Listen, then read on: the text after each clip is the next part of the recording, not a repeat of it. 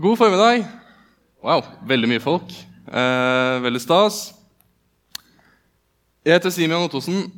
Jeg er eh, 28 år gammel. Jeg er gift med Maren Louise. Så har jeg et barn som heter Klara, som er her i dag. Som jeg ser der bak. Og det er altså, for de som ikke kjenner Klara, så er det det søteste barnet her. Og hvis ikke det er en god nok beskrivelse, så er det hun som rocker en hockeysveis som frisyre. Og det er jo veldig in eh, nå om dagen. Så det er et bra valg. Men eh, jeg har jo da talt i går også, på Fellesskap 24 i, i Sinsen kirke. Det var veldig fint. Over Salme 24, som er tema. Og så eh, fikk jeg litt kritikk da i dag tidlig, faktisk. Fordi at eh, Og kritikk er fint, altså. Det skal man ta til seg hvis den er konstruktiv, og det var den i dette tilfellet. Fordi eh, en person, jeg skal ikke nevne navn, var svært dyktig på tangentene. Han, eh, han mente at eh, det var veldig dumt at jeg bare leste de to første versene fra salmen i går. Fordi da talte jeg over Salme 24, vers 1-2. Og i dag skal jeg tale over vers 7-10, men jeg skal lese hele, hele salmen. Jeg. Så i hvert fall noen blir fornøyde.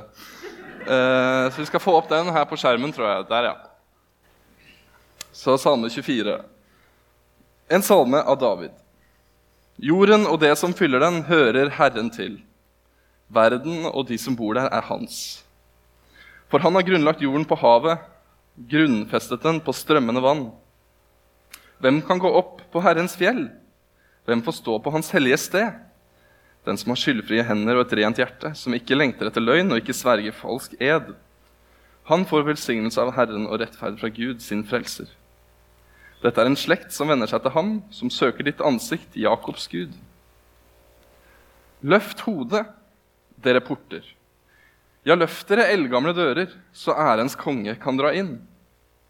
Hvem er denne ærens konge? Herren, sterk og mektig. Herren mektig i strid. Løft hodet, dere porter. Ja, løft dere eldgamle dører, så ærens konge kan dra inn. Hvem er han, denne ærens konge? Herren Sebaot, han er ærens konge. Ok, Disse versene fra Salme 24 de er ganske gåtefulle. For det første så er det ikke helt klart for oss hvem det er som taler i denne salmen.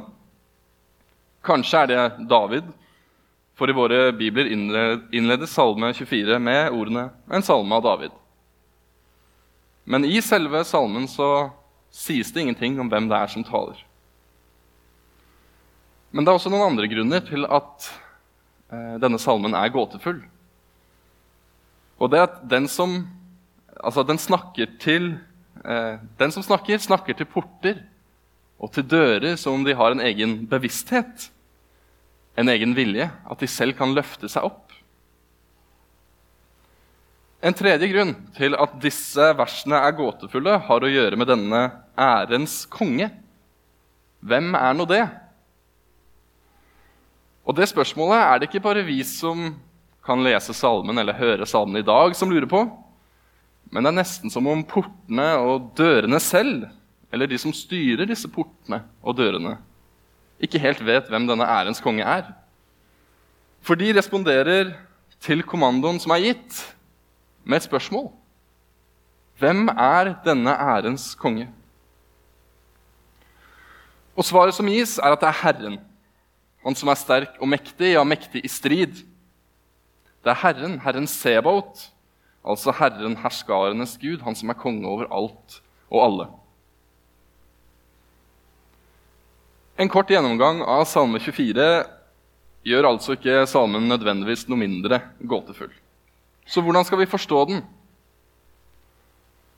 Tradisjonelt så har det blitt antatt at Salme 24 ble forfattet av kong David etter en helt spesiell hendelse, nemlig at paktens ark, også kalt paktkisten, ble ført tilbake til Jerusalem og til tabernaklet. Og Paktens ark ble jo i sin tid bygget på ordre fra Moses etter detaljerte instrukser fra Gud selv. Det spesielle med paktens ark det var at den inneholdt to steintavler som de ti bud var skrevet ned på.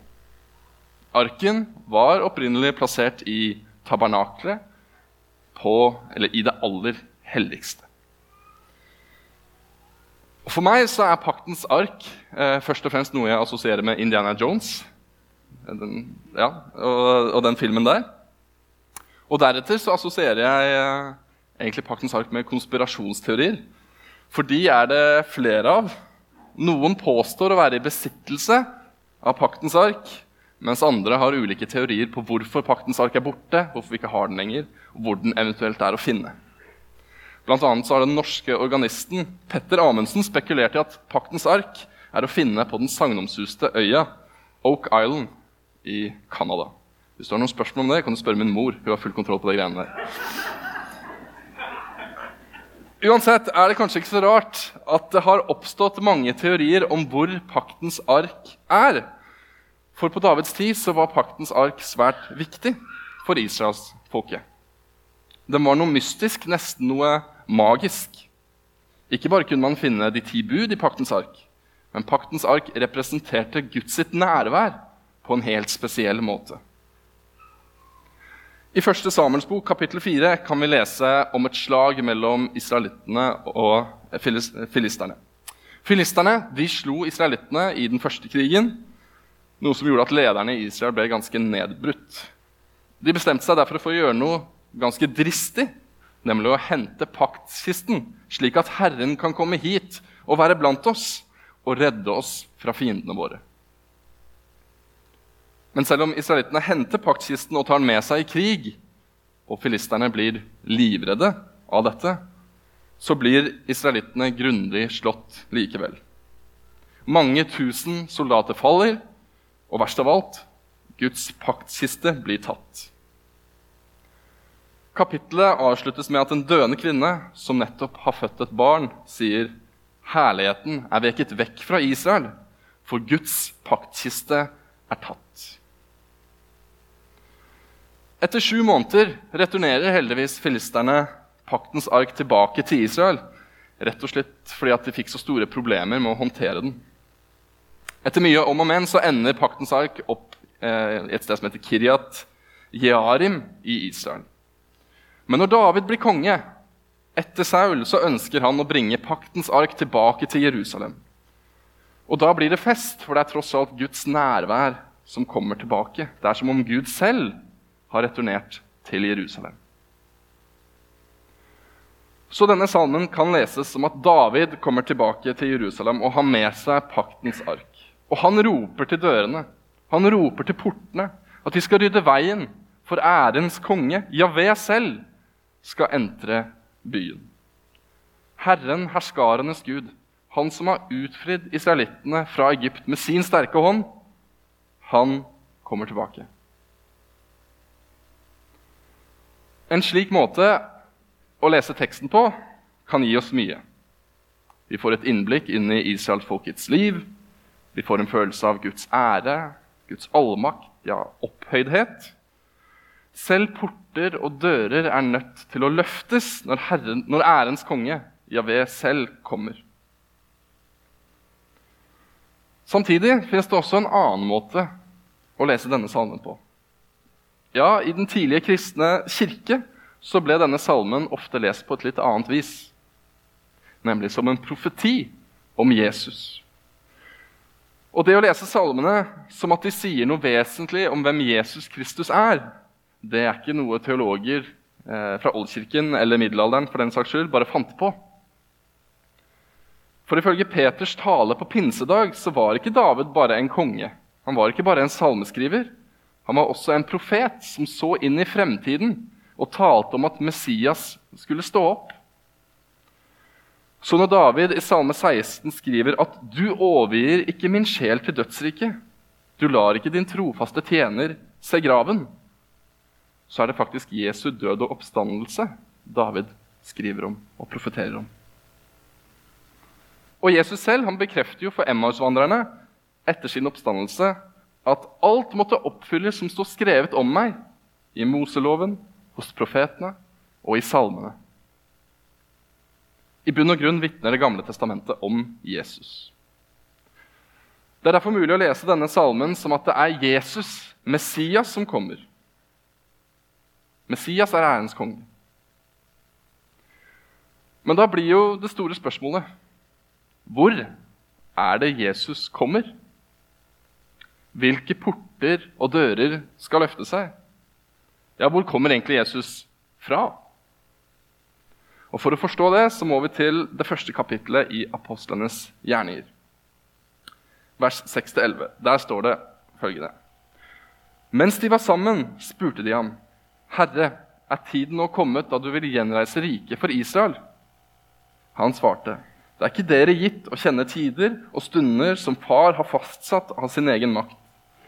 Men dere skal få kraft når Den hellige ånd kommer over dere, og dere skal være mine vitner i Jerusalem og hele Judea, i Samaria og helt til jordens ende. Da han hadde sagt dette, ble han løftet opp mens de så på, og en sky tok han bort fra øynene deres. Som de nå stirret mot himmelen mens han dro bort, sto med ett to hvite menn i hvite klær foran dem og sa, 'Galileere, hvorfor står dere og ser mot himmelen?' Denne Jesus som ble tatt, opp, tatt bort fra dere, opp til himmelen, han skal komme igjen på samme måte som dere har sett ham fare opp til himmelen. I denne teksten får vi beskrevet hva det er som skjer når Jesus blir tatt bort fra disiplene og opp til himmelen. Og Det er en merkelig tekst, mest fordi det er vanskelig å forestille seg. Det synes i hvert fall jeg. Hva vil det si at Jesus ble løftet opp? Begynte han plutselig å sveve? I hvilken hastighet skjedde det? Var det synlig bare for disiplene eller også for mennesker som sto flere hundre meter unna? I møte med Lukas' tekst har jeg mange spørsmål. Men poenget er i hvert fall at Jesus blir tatt opp til himmelen. Og I trosbekjennelsen så er det jo nettopp dette vi bekjenner. At Jesus siden den gang og fremdeles den dag i dag sitter ved Guds, den allmektige Faders høyre ånd. Men hva skjer etter at Jesus blir tatt vekk, før han tar sin plass ved Faderens høyre hånd? Mange kloke teologer og kirkeledere har ment at det er dette vi får beskrevet i Salme 24. Salme 24 er med andre ord en tekst som beskriver at Jesus inntar himmelen igjen. En himmel han valgte å forlate for vår skyld. Og den Jesus som returnerer til himmelen, det er den triumferende Jesus. Han som var sammen med Gud, men som lot seg føde i en stall for oss her på jorda, og som har seiret over døden. Det er derfor ikke så rart at han i salmen beskrives som mektig, ja, til og med mektig i strid. Samtidig er det noe ved Jesu retur som ikke er så veldig triumferende. I hvert fall ikke slik vi vanligvis forstår ordet triumferende. For de som er i himmelen, englene, de kjenner faktisk ikke igjen Jesus. Det er derfor spørsmålet stilles. Hvem er denne ærens konge? Men det er jo ikke så rart at de ikke gjenkjenner Jesus. For da Jesus dro fra sin far i himmelen, hadde han ennå ikke blitt et menneske i kjøtt og blod. Men når Jesus nå returnerer til sin far, så gjør han det som Gud og menneske. Jesus skikkelse bærer, bærer med andre ord preg av hans menneskelighet. Jesus returnerer i triumf, som ærens konge. Men den triumferende Jesus ligner ikke andre ærefulle konger. For kongen som returnerer, er en konge som er såret for våre lovbrudd, knust for våre misgjerninger. Det er Herrens lidende tjener som returnerer. Han som ifølge Jesaja ikke har noen herlig skikkelse vi kan se på. Han som ikke har noe utseende vi kan glede oss over. Jesus returnerer i triumf, men kroppen hans bærer preg av lidelse og korsfestelse. Naglemerkene i Jesu hender, som Thomas fikk kjenne på, var fortsatt synlige. Så derfor spør englene hvem er denne ærens konge? Og det er Den hellige ånd, skriver Oldkirkens teologer, som gir dem svaret. For det er jo Den hellige ånd som vitner om hvem Jesus er. Å lese salmen som en profeti og beskrivelse av at Jesus inntar himmelen igjen, gjør at vi får et innblikk i noe vi kanskje ikke har tenkt så mye på før, nemlig hva som skjer etter himmelfarten og før Jesus sitter ved Gud Faders høyre hånd. En sånn lesning sier også noe om hva slags konge Jesus er. En konge som ikke er til å kjenne igjen fordi han har utøvd sin, sin kongsmakt på en annen og merkelig måte i forhold til det vanlige konger gjør. Men jeg tror at å lese denne salmen som en profeti som handler om Jesus, også gjør at salmen blir mer relevant for deg. For det å være kristen, det er ikke bare å tro på Jesus. Det er ikke bare å ha Jesus som forbilde, som noe å strekke seg etter. Nei, det å være kristen er heller ikke at Jesus har gjort alt for deg. Selv om det selvfølgelig er helt sant. Det å være kristen vil si å være vevd inn sammen med Jesus. Det å være kristen er å delta sammen med Jesus, slik at det som skjer med Jesus, det skal også skje med meg. Det kanskje mest kjente Paulusbrevet, i hvert fall i våre kretser, det er romerbrevet. Her legger Paulus ut om at både hedninger og jøder står i samme situasjon overfor Gud, som syndige mennesker i desperat behov for nåde. Og denne nåden, kan Paulus fortelle oss, er gitt oss gjennom Jesu død på korset for våre synder. Hvis vi nå bare vender oss vekk fra vår synd og tror på Jesus, så er det ingen fordømmelse i vente, bare frelse. Alt på grunn av hva Jesus har gjort. Men det som også er tydelig i romerbrevet, er ikke bare at Jesus har gjort alt for oss, men også at han gjør noe med oss. Eller kanskje enda mer presist han gjør noe med oss fordi han er i oss. I Romerbrevet kapittel 6, vers 3-6, så spør Paulus retorisk. Eller vet dere ikke at alle vi som ble døpt til Kristus Jesus, ble døpt til hans død. Vi ble begravet med ham da vi ble døpt med denne dåpen til døden. Og som Kristus ble reist opp fra de døde ved sin fars herlighet, skal også vi vandre i et nytt liv. Har vi vokst sammen med Kristus i en død som er lik hans, skal vi være ett i en oppstandelse som er lik hans. Vi vet at vårt gamle menneske ble korsfestet med ham for at den kroppen som er underlagt synden, skulle tilintetgjøres, og vi ikke lenger skulle være slaver under synden. Vi som er døpt til Jesus, er korsfestet, begravet og reist opp sammen med ham til et nytt liv. Jeg tror altså ikke bare på. Jeg er forenet med Kristus. Vi er i et skjebnefellesskap. Jeg henger sammen med Jesus, og jeg kan ikke annet. Det som skjer med Jesus, skjer også med meg. Og Derfor kan Salme 24 også leses som en profeti om oss. En dag skal de som styrer himmelen, befale at porter og dører skal løftes. Men denne gangen er det ikke ærens konge som returnerer. Det er ikke sønnen som vender hjem men sønnens brødre og søstre. Guds barn vender hjem. Den norske poptrioen nummer fire de skrev for flere år siden en nydelig liten sang som heter 'Lite og stort'. Sangen handler om hva det vil si å ha et hjem, om hva vi er villige til å trosse for å reise dit. Men særlig dreier sangen seg om lengselen etter å komme hjem. En lengsel som vi alle kjenner på. En gang iblant eller hver eneste dag, som nummer fire selv synger. Men det nummer fire trolig ikke vet, er at de står i en urgammel kristen tradisjon når de skriver tekster om å reise hjem. En av de teologene som har skrevet mest, og spør du meg aller best, om det å reise hjem, det er kirkefader Augustin. Og han mente at kanskje den aller mest kjente lignelsen i Bibelen, lignelsen om den bortkomne sønn, dypest sett handler om lengselen etter å reise hjem. Augustin han leste denne lignelsen som historien om seg selv. Men han leste også lignelsen som historien om mennesket. Historien om deg og historien om meg. For på samme måte som den bortkomne sønn fikk sin fars arv på forskudd, fikk en gave, er også våre liv gitt til oss av Gud, skriver Augustin, som en gave.